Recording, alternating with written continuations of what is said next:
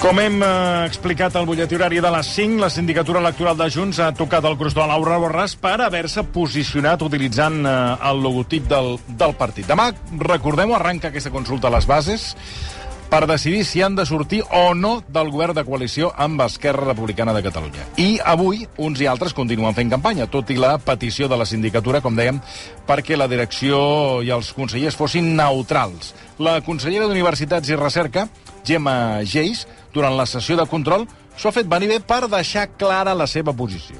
Jo, com a conseller de Recerca i Universitat, si no complim els pactes de govern i no puc assegurar que Madrid anem amb la força per defensar el sistema universitari català, com el propi sistema universitari català està treballant en complicitat, no em veig capaç de continuar desenvolupant les meves tasques com a consellera de Recerca i Universitats. Perquè crec, perquè crec que hi ha una altra manera de viure i una altra manera de fer política. Doncs eh, Gemma Geix seria l'encarregada, si finalment guanya el sí, de ser vicepresidenta del govern. Per tant, que no sé en quin ànim continuarà eh, Geix si finalment surt el sí. Perquè, clar, mm, ja es veu que no té ànim, ho acaba de dir, en sessió parlamentària, de continuar. Per tant, embolica que fa fort. Geis és l'única consellera que aposta per la sortida del govern. El conseller d'Economia, Jaume Giró, considera que aquesta opció és un desastre. N'ha parlat a RAC1 som adversaris polítics, que ningú s'enganyi. Dit això, escolti, Esquerra dubto molt que no ens vulgui el govern. Sap per què ho dubto? Perquè si sortim del govern, estic convençut que per Junts serà un, una equivocació, una greu equivocació. Però per Esquerra també, eh? Per Esquerra també. Doncs eh, ja ho veieu, divisió total a les files de Junts entre quedar-se al govern o marxar. Saludem a Ernesto Icaizer. Ernesto, bona tarda. Molt bona tarda. La consulta a les bases de Junts durarà dos dies. Puigdemont aquest matí ha fet un fil a Twitter defensant la bondat dels debats interns dels partits, però sense mullar-se, el que diríem obertament, però una mica sí, perquè abans ha repiolat l'article que ha publicat el Punt Avui el portaveu de Junts per Catalunya, Josep Rius, on defensa la sortida. Per tant, indirectament, eh, Puigdemont també ha dit la seva. No sé com, com ho veu Ernesto Icaizer des de la distància. Bueno, no, no, es una distancia relativa porque estuve el fin de semana en, en Barcelona Ah, doncs... y estuve... Ho ha vist de prop. eh, hablando con unos y con otros, estuve en un programa de televisión que impulsaba, que coordinaba de manera sueltísima, hay que decirlo, Eduard Puyol, no le conocía tanta tanta soltura, francamente, me ha sorprendido, además una ma- maratón el día sábado, Sí, senyor. como en los viejos tiempos, y, y- y nada, y fíjese Tony, eh, uno de los principales temas que Salió, evidentemente, después del discurso, del discurso de Carla Puigdemont a la gente, a la manifestación reunida en el Arc de Triomphe, eh, pues fue si el discurso de Puigdemont había sido, eh, directamente eh, orientado a salir del gobierno. Y yo fui una de las personas que dijo que yo no lo veía así. Yo veía que el discurso era un discurso donde no hacía, digamos, una, eh, un abordaje directo a los problemas que estaban sobre la mesa, como era eh, el cese del, eh, de Puigneró y, digamos, el planteamiento de un sector de, de Junts de salir del gobierno y que lo había dejado relativamente abierto, aunque él, eh, con esa consigna que parecía orientada a que el referéndum del primero de octubre se había celebrado la semana pasada, porque claro, dices, Puigdemont diciendo que el referéndum es válido, cinco años después. Ese es el debate. A ver, entonces decía, parece que ha ocurrido la semana pasada. El problema consiste en que él no quería firmar, no quería decir, yo os digo que salgáis del gobierno, no lo quería decir. Y entonces, a tal punto no lo quería decir, que ha vuelto a la táctica de guardar la ropa eh, a través de eh, tuitear un artículo de Josep eh, Rius. Correcte. Eh, sí, sí. Pero claro, pero ¿cuál es la posición de Carla Puigdemont? Carla Puigdemont necesita eh, referirse eh, como se hacía en China, como hacía Mao y sus sucesores, de manera indirecta, sin definirse, y, y digamos, eh, eh, en la revolución cultural. Hombre, Puigdemont tiene una posición. La posición, digamos, sería interesante que él les ponga eh, negro sobre blanco a través de un mensaje eh, que él se le da muy bien hacerlo. Y ahora nos viene con un artículo de Joseph Rius. Y entonces tenemos que discutir lo que dice Joseph Rius y sacar de ahí la conclusión de que Carla Puigdemont está por la salida del gobierno. Ahora, yo tengo la impresión siguiente, y puse un tuit hoy, un poco para darle un poco de sentido de humor. Ponía Mafalda, un dibujo de Mafalda, un poco eh, sorprendida, asombrada, perpleja, ¿eh? donde dice, sí, ya sé, ya sé, hay más problemólogos que solucionólogos. Pero, ¿qué le vamos a hacer? Es decir, más gente que provoca problemas que soluciones. Sí, sí, l'estic veient i l'estic llegint. Y entonces, eh, claro, es una cosa muy simple lo que digo, no tiene, en fin, no tiene ninguna, ninguna eh, agresividad. Y, eh, porque claro, uno está perplejo. ¿Por qué Puigdemont no se pronuncia directamente? ¿Por qué la única... Bueno, hay gente que se ha pronunciado a favor de no salir del gobierno, está eh, las declaraciones que usted acaba de escuchar del eh, consejero de Economía. Eh, de Jaume Giró. De Jaume Giró, que es muy claro, es muy claro, esto sería un desastre, viene a decir, y no debemos hacerlo. Y, y, y otros consejeros que están en este momento haciendo campaña por el sí. Y luego, pues, aparte de los consejeros, yo creo que son unos 5.600 personas las que van a votar. ¿Qué van a votar esas personas? ¿Con qué conciencia van a votar? ¿Con qué criterio van a votar? Entonces, yo no sé qué es lo que va a pasar, sería muy difícil. Lo único que le aseguro, eh, y esto se lo firmo, que no va a ser un empate como el de Artur Mas. Yo se lo firmo. Vol dir, no, a l'empat que va, va obtenir la CUP, eh? sí, ¿se acuerda que un empate? Home, un increíble empate. 1.200 i escaig i 1.200... Igual, el mateix empate. Eh? Exacto. No va a haber empate. Aquí no va a haber empate. Pero ¿qué van a votar?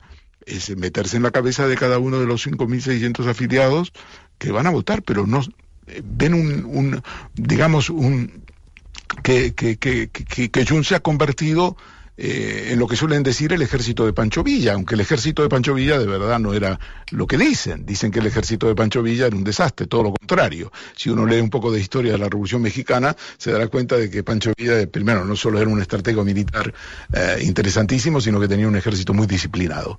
Eh, pero, bueno, como se dice esa acepción de que cuando uno, cuando un grupo, un partido político está desorganizado, contradice, se contradicen unos con los otros, dice el ejército de Pancho Villa. Bueno, pues yo me rindo a esa a esa eh, definición, aunque no sea ajustada con la historia de la Revolución Mexicana.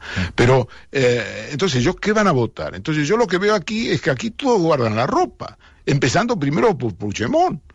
Carlos Puigdemont hace un discurso el día eh, sábado, puede hacer una consigna, digamos, decir lo que a él le parece, no digo que sea una consigna de voto, pero decir, a mi modo de ver, creo que Junts estaría mejor fuera del gobierno y tal. Entonces, ¿qué es lo que hay aquí? Aquí hay una especulación muy clara. Hay una especulación de que va a haber elecciones a corto plazo y no va a haber elecciones a corto plazo. Yo creo que Puigdemont debería saber que no va a haber elecciones antes de las municipales. Aquí va a haber elecciones municipales y después ya veremos. Pero eh, esta idea de que, eh, de que pueden forzar a, a Per Aragonés a hacer elecciones anticipadas enseguida, no, eso no va a ocurrir, no va a ocurrir. Entonces aquí hay un grupo de gente que está intentando salvar, sacar la castaña del fuego y decir vamos a quedarnos dentro del gobierno. Por eso, entre otras cosas, Puigdemont no quiere decir blanco, negro sobre blanco, porque ¿cómo queda después? Fíjese usted que el sí que el sí es derrotado. Lo digo como hipótesis. Sí, bueno, no, no sé lo que sí, sí, pot passar el no, pot passar el sí. Exacto. Pero supóngase que Puigdemont a través de Rius, eh, digamos, eh, se ha curado y ha dicho, bueno, yo pienso esto. Bueno, mañana si efectivamente la gente quiere que se quede dentro del gobierno, pues no podrá reprochar a Puigdemont. Puigdemont dirá, bueno, yo a mí me pareció bien lo que decía este artículo, pero yo no di ninguna consigna de voto. Sí, en sí. otros términos, aquí todo el mundo se guarda la ropa. Oye, Bueno, perquè pugui passar de cara a un futur, eh, tot i que Laura Borràs sí que s'ha posicionat, però ja, Sí. no té res, ja no té res a perdre, sí, ja no té res a Clar, perdre, claro. i la que sí que m'ha sorprès és la consellera Gemma Geis, que sí que Sí. també s'ha posicionat, i clar, i, si ella ha de fer el relleu a Puigneró, amb aquest esperit de no continuar, no sé com continuarà eh, si finalment el seu partit decideix continuar. No sé si m'explico. Exacto, Sí, bueno, si y está tú también dius- si Jordi dius- Sánchez. Jordi Sánchez Clar. está de acuerdo con quedarse, no está de acuerdo con irse. Sí, sí, per això li dic que, clar, aquí, després del resultat, hi haurà una divisió important dins de Junts. I després, eh, quina relació es manté eh, tant els que es volen quedar com els que volien marxar dins del govern. Aquesta és l'altra. Claro. Entonces, eh, digamos que, ahora, lo peor de toda esta historia es que ha sido creado por ellos mismos. No hay, eh, es como en el, en el tenis, ¿no? Este es un error no forzado. No es forzado. Mo bona metàfora. Claro, es que es así. Lo han hecho ellos mismos, se lo han fabricado ellos mismos. No han podido contenerse ellos mismos. ha sido producto perquè de un de- arrebato. Ah, exacte. Ha sido producto de un arrebato. Pues d'un- mal, ¿no? Quants que s'han, com diu vostè, s'han arrebatado. Claro. Aquest pronto al pronto i el pronto ha... se han desbordado. Esa metáfora que utiliza, que utilizó en el discurso Carlos Puigdemont, un poco lo retrata, ¿no? Dice, no, tenemos que hacer un desbordamiento, eh, desbordamiento democrático, ¿eh? y replegarnos y avanzar. Hombre, seamos concretos. ¿Quién está en condiciones? ¿Quién estuvo en condiciones de implementar la independencia de la República Catalana en 2017, en octubre del 2017. Pero Tony, si yo relato en mi libro, en el primer capítulo, como el responsable, que se llamaba Rock, eh, un chico magnífico, Rock Fernández, tenía, estaba, tenía el encargo de Carlos Puigdemont y del gabinete de llevar el, todos los, eh, los documentos al diario oficial de la Generalitat de Cataluña el día sábado, aunque el día sábado no se publica el boletín oficial. Él tenía el encargo de esperar la orden para llevar la declaración de la independencia y publicarla en el boletín oficial. Y estuvo esperando toda la tarde en el Palau de la Generalitat y salía y venía y entraba y estaba todo el tiempo a disposición. No recibió ninguna orden, no pudo llevarlo al diario oficial de la Generalitat de Cataluña. Y los decretos, había decretos, no era que es una invención de Puigdemont. Claro, ¿y, y quién llevó los decretos al diario oficial? ¿Quién implementó todo eso? Pues es que no se puede implementar una declaración, un papel. Eso fue un papel.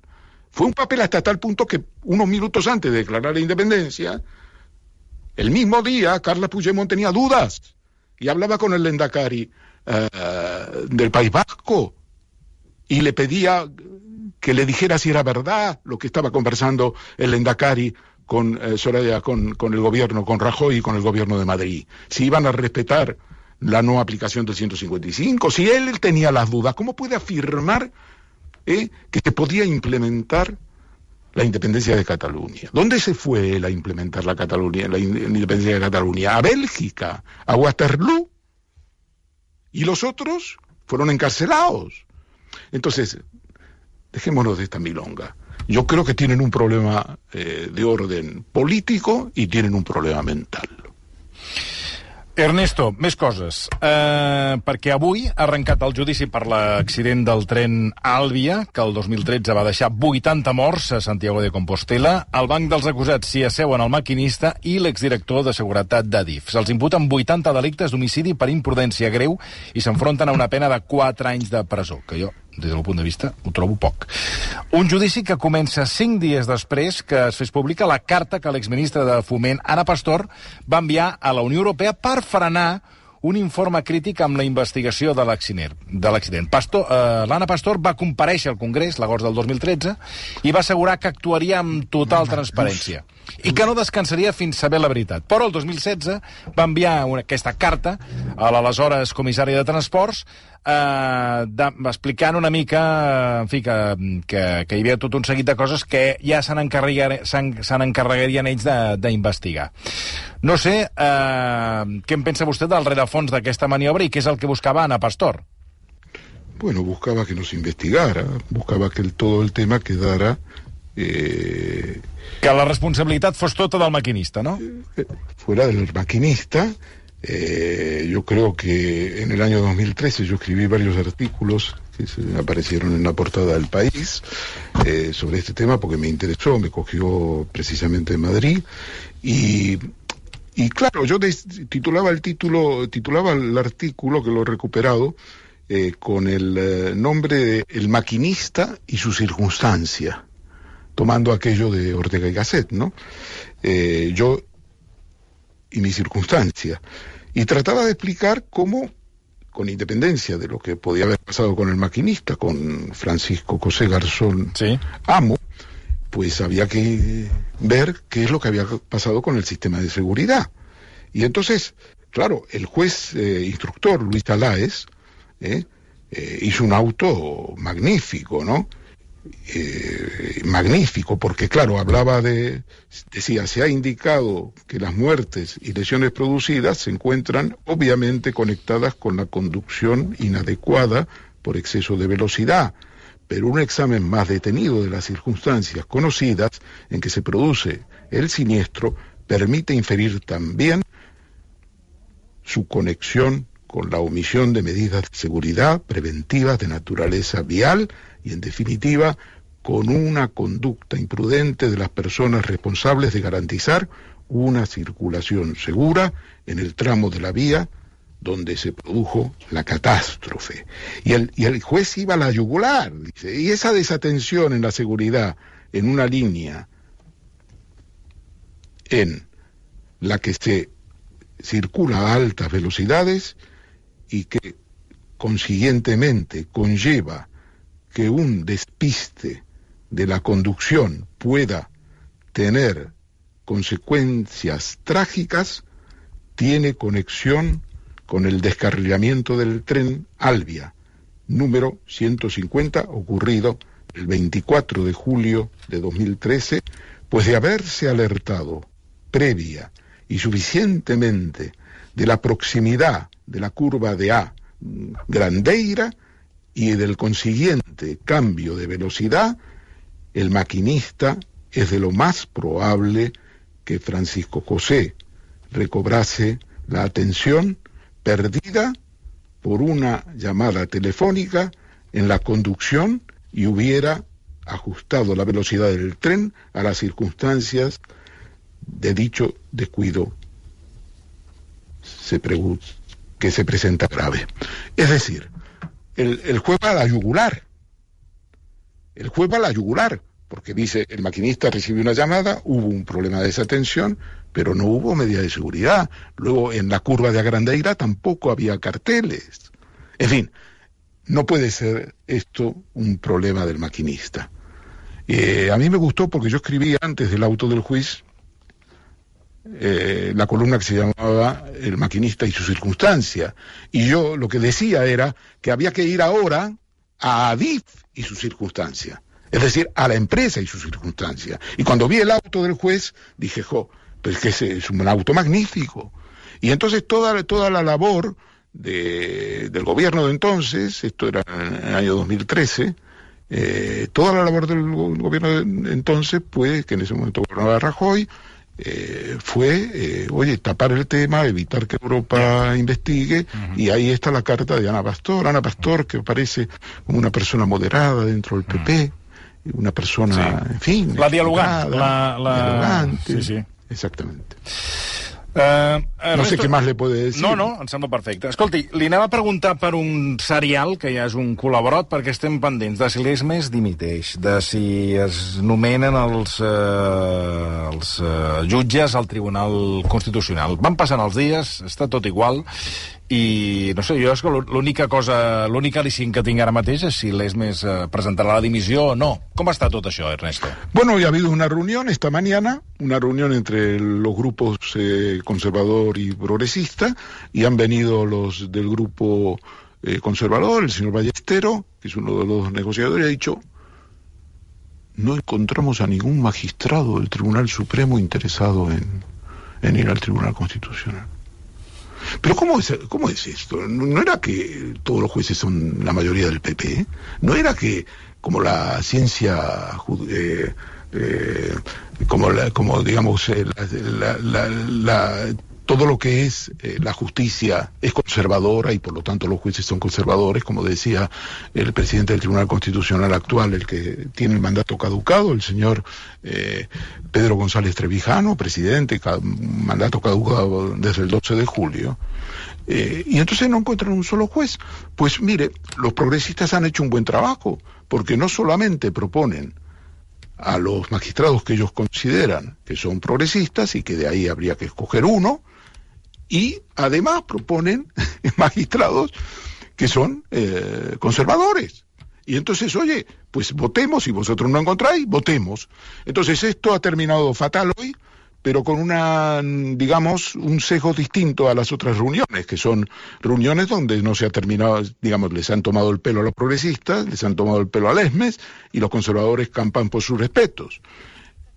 El único elemento nuevo que trajo Ballestero, no nuevo, el representante del sector conservador, el vocal Ballestero, es que, hombre, ¿por qué no esperamos al el informe que pueda hacer Reinders?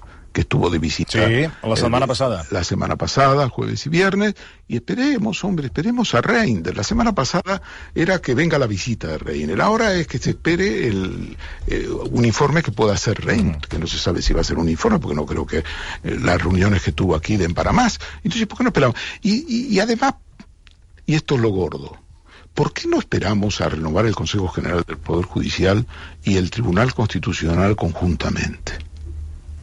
Y claro, el problema consiste en que eso no puede ser. No puede ser porque se cambió la normativa en el 20 eh, de julio pasado y el, este Consejo General del Poder Judicial puede hacer los nombramientos de los magistrados del Tribunal Constitucional. Se cambió la ley. La propio, el propio gobierno, la propia coalición de gobierno cambió la ley que había prohibido todos los nombramientos y dijo, no los del Tribunal Constitucional, ahora podéis nombrar a los magistrados del Tribunal Constitucional, a las dos que corresponde al Consejo General del Poder Judicial. Y entonces es este el Consejo General del Poder Judicial que tiene que nombrar a los dos magistrados Constitucional. Y además, eh, Esteban González Pons ha salido en las últimas 48 horas y diciendo, oiga, ¿y, por qué no nombra el gobierno a los que les corresponde, a los dos magistrados que les corresponde? Porque así, de esa manera, el Consejo General del Poder Judicial sabría cuáles son y se podría complementar los nombramientos. Entonces el problema consiste en lo siguiente, es que el gobierno nos ha nombrado por una sencilla razón, porque el presidente del Tribunal Constitucional y Lesmes les han mandado el mensaje de que si solo nombra el gobierno y no nombra el Consejo General del Poder Judicial o a los suyos, a los dos suyos, ellos no le dan posesión en el Tribunal Constitucional. ¿Y usted sabe cuál es la consecuencia de que no le den posesión, aparte de que no le den posesión? Es decir, aparte del fiasco que significa y el enfrentamiento y la crisis constitucional que significa eso. Es decir, que en el Tribunal Constitucional pongan una barricada y no los dejen entrar. Es que según la ley no pueden nombrar esos magistrados más, porque si los rechazan, si consideran que no son eh, hábiles, que si no son idóneos, el gobierno no puede nombrar nuevos. No se puede recurrir eso, es irrecurrible. Entonces, el gobierno no puede nombrar a dos magistrados cuando le dicen no le vamos a dar posesión, si es un golpe de Estado. Si es un golpe de Estado. Entonces, lo que ha pasado hoy es que el sector conservador eh, progresista ha reaccionado y ha dicho ni Reinders ni ninguna reunión más. Ahora vamos a ver a Lesmes y le decimos, mire, señor presidente, haga lo que tenga que hacer. Eh, no hay más reuniones de, de negociación entre el sector conservador y el sector progresista. Eh, no hay fijado pleno, en principio iba a haber un pleno el día 13, pero no hay fijado pleno, convoque usted en todo caso al pleno, ¿eh? y con, sus, con su voto personal y otros tres magistrados que dice usted que le apoyan, porque usted sabe que en el sector conservador hay una división, está el sector eh, recalcitrante, más duro, más pepero, más de González Pons, más de Feijó y tres miembros de ese grupo conservador que se han desgajado y que votarían a quien Lesmes diga. Entonces el, sector progresista dice, señor Lesmes, antes de dimitir, votemos con el sector mm, progresista, que son ocho magistrados, los tres que usted tiene, que son once, y el suyo propio, el voto suyo, son doce, y con eso tenemos los, los, eh, eh, los votos necesarios, son doce, para eh, nombrar a los dos magistrados en el Tribunal Constitucional. Son los tres quintos. Entonces, eso es lo que han decidido hoy, y ya no hay más reuniones y vamos a ver si se convoca el tercio o no. Pero lo que está pasando aquí es un golpe de Estado, no es un semigolpe, no es un virtual golpe, es un golpe de Estado. Y en relación a esto, yo hago un paralelismo en un artículo mío en el día de ayer sobre el discurso del rey del 13 de octubre, que yo creo que es un, ha sido uno de los desaciertos más grandes de la corona y que, digamos, Rajoy, que fue incapaz de hacer un discurso, eh, delegó en quien reina pero no gobierna, que es el rey, Felipe, eh, la, digamos, Sí, sí. la tarea, la tarea de, pero claro, la Constitución, el artículo 56, Tony, dice que el, el- el rey eh, tiene que arbitrar, eh, tiene que moderar. ¿Y dónde están esos factores de moderación y arbitraje en el discurso del, del, del, del 3 de octubre? No están. parece que el rey No están. Donde parece que el rey se guió más por lo que le decían sus los capitanes del ejército, eh, eh, altos generales, que estaban muy, muy cabreados con lo que había pasado en, eh, en Figueras, ¿se acuerda? Cuando expulsaron a los, Sí. eh, a los policías y, Sí, sí. Y guardias civiles de los, eh, de los hoteles en Figueras. Bueno, en Figueres i, i també altres eh, localitats del Maresme, vull dir Sí. que això es va produir a diferents localitats. Exactamente. Pero en particular me mm, creo recordar que Figueras eh, tuvo, eh, en fin, tuvo un cierto impacto eh, mediático y se veía a los militares en, en los hoteles, en, a los mm, guardias civiles en los hoteles y tal. Y entonces eh, son esos los que, le, digamos, le hicieron subir la temperatura a Felipe VI. Entonces yo digo una cosa, Tony. Ahí desaprovechó la posibilidad de colocar a la corona por encima del cuerpo a cuerpo, por pedir una... Y, cuento que eh, Miquel Iceta, el primer eh, secretario de los, de los- del Partido de los Socialistas Catalanes, se enteró de que el rey iba a hacer ese discurso. Y como ya había estado con el rey en, en- en el mes de septiembre y primeros y, y primeros de octubre, eh, pensó que podía venir un desastre con ese discurso. Y entonces habló con Pedro Sánchez y le dijo, oye, yo quiero hablar con el rey porque yo estuve con él, eh, hemos estado conversando, le pareció interesante mi punto de vista y ahora que va a hacer un discurso, hombre, eh, quiero recomendarle eh, moderación. Y entonces Sánchez le dijo, eh, me temo, que, Miquel, que no va a poder ser que yo, me han consultado y yo digo que, que hay que poner énfasis en el diálogo, pero no quieren. Entonces Iseta le dijo, ¿me permites que intente yo hablar con la zarzuela? Y entonces dijo, sí, por supuesto, inténtalo. Iseta habló con eh, eh, Ja- Jaime de Alfonsín, el jefe de su, la casa de su majestad el rey, y le dijo lo mismo, mira, yo he estado con el rey en el mes de septiembre, hemos estado analizando la situación política en Cataluña, pareció una conversación interesante, me gustaría hablar eh, con él, porque creo que el discurso es- puede tener un jugar un, un papel muy muy relevante y me parece que el- eh, la idea de la pacificación y tal. Entonces mm, Alfonsín le dejó hablar y cuando terminó, eh, Alfonsín dijo, eh, no va a poder ser. Y entonces Iseta dijo, ¿cómo que no va a poder ser? Sí, porque el rey tiene pensado hacer un discurso a una nación herida, a la que se le dijo que no iba a haber votación, y ha visto por la televisión cómo se ha votado y cómo la han engañado. Entonces yo, humildemente, humilde periodista, digo, oiga, y ahora que están incumpliendo la Constitución, que desde el día 13 de septiembre, que hay una norma legal por la cual tenía que nombrar en el Consejo General del Poder Judicial dos magistrados en el Constitucional, que hace ya cuatro años, van a ser cuatro años que no se renueva el Consejo General del Poder Judicial contra la Constitución, oiga, ¿por qué no sale el rey? Eh, si ya no lo hizo en, el en la apertura del año judicial el día 7 de septiembre, ¿por qué no sale el rey y llama a los partidos y les dice, ustedes están incumpliendo la Constitución? Sí, senyor. Perquè aquí hi ha un incompliment flagrant de la Constitució. un, un cachondeo. Se están riendo. Se están riendo. Tiene que haber una campaña en los medios. No, no se engañen más, cumplan con su deber. No solamente comentar que las reuniones fracasan, no solo comentar que Reinders, eh, digamos, ha estado aquí, ha estado reunido y llama a todas las partes. Hombre, tiene que haber una campaña. Tiene una, una campaña de prensa diciendo, cumplan la Constitución. ¿No son ustedes los grandes eh, cumplidores de la Constitución? ¿No son ustedes los que están festejando que el rey el 3 de octubre echó más leña al fuego en lugar de apaciguar? que dicen que eso marcó, Tony, esto es lo peor, que eso marcó el reinado, cimentó el reinado de Felipe VI, como el día 23F la actitud de Juan Carlos I cimentó a la monarquía española. Vamos, vamos. Ernesto, vámonos. Una abraçada molt forta. Que tinguis Gràcies. molt bona setmana, Ernesto i Kaiser. Adeu. Des de Madrid, adeu-siau. Tres minuts i tenim eh, el Guillem Estadella doncs, fent cerveses perquè... A veure en quin estat estarà, més, eh? Bueno, espero que bé. A veure. Uh, estem al mes d'octubre, Oktoberfest. El que m'estranya és vostè, senyor Guies, que no, Sí. no s'hi hagi apuntat. Ah, Han de deixar pas als joves. Ah, això també és segur. veritat. Versió RAC 1.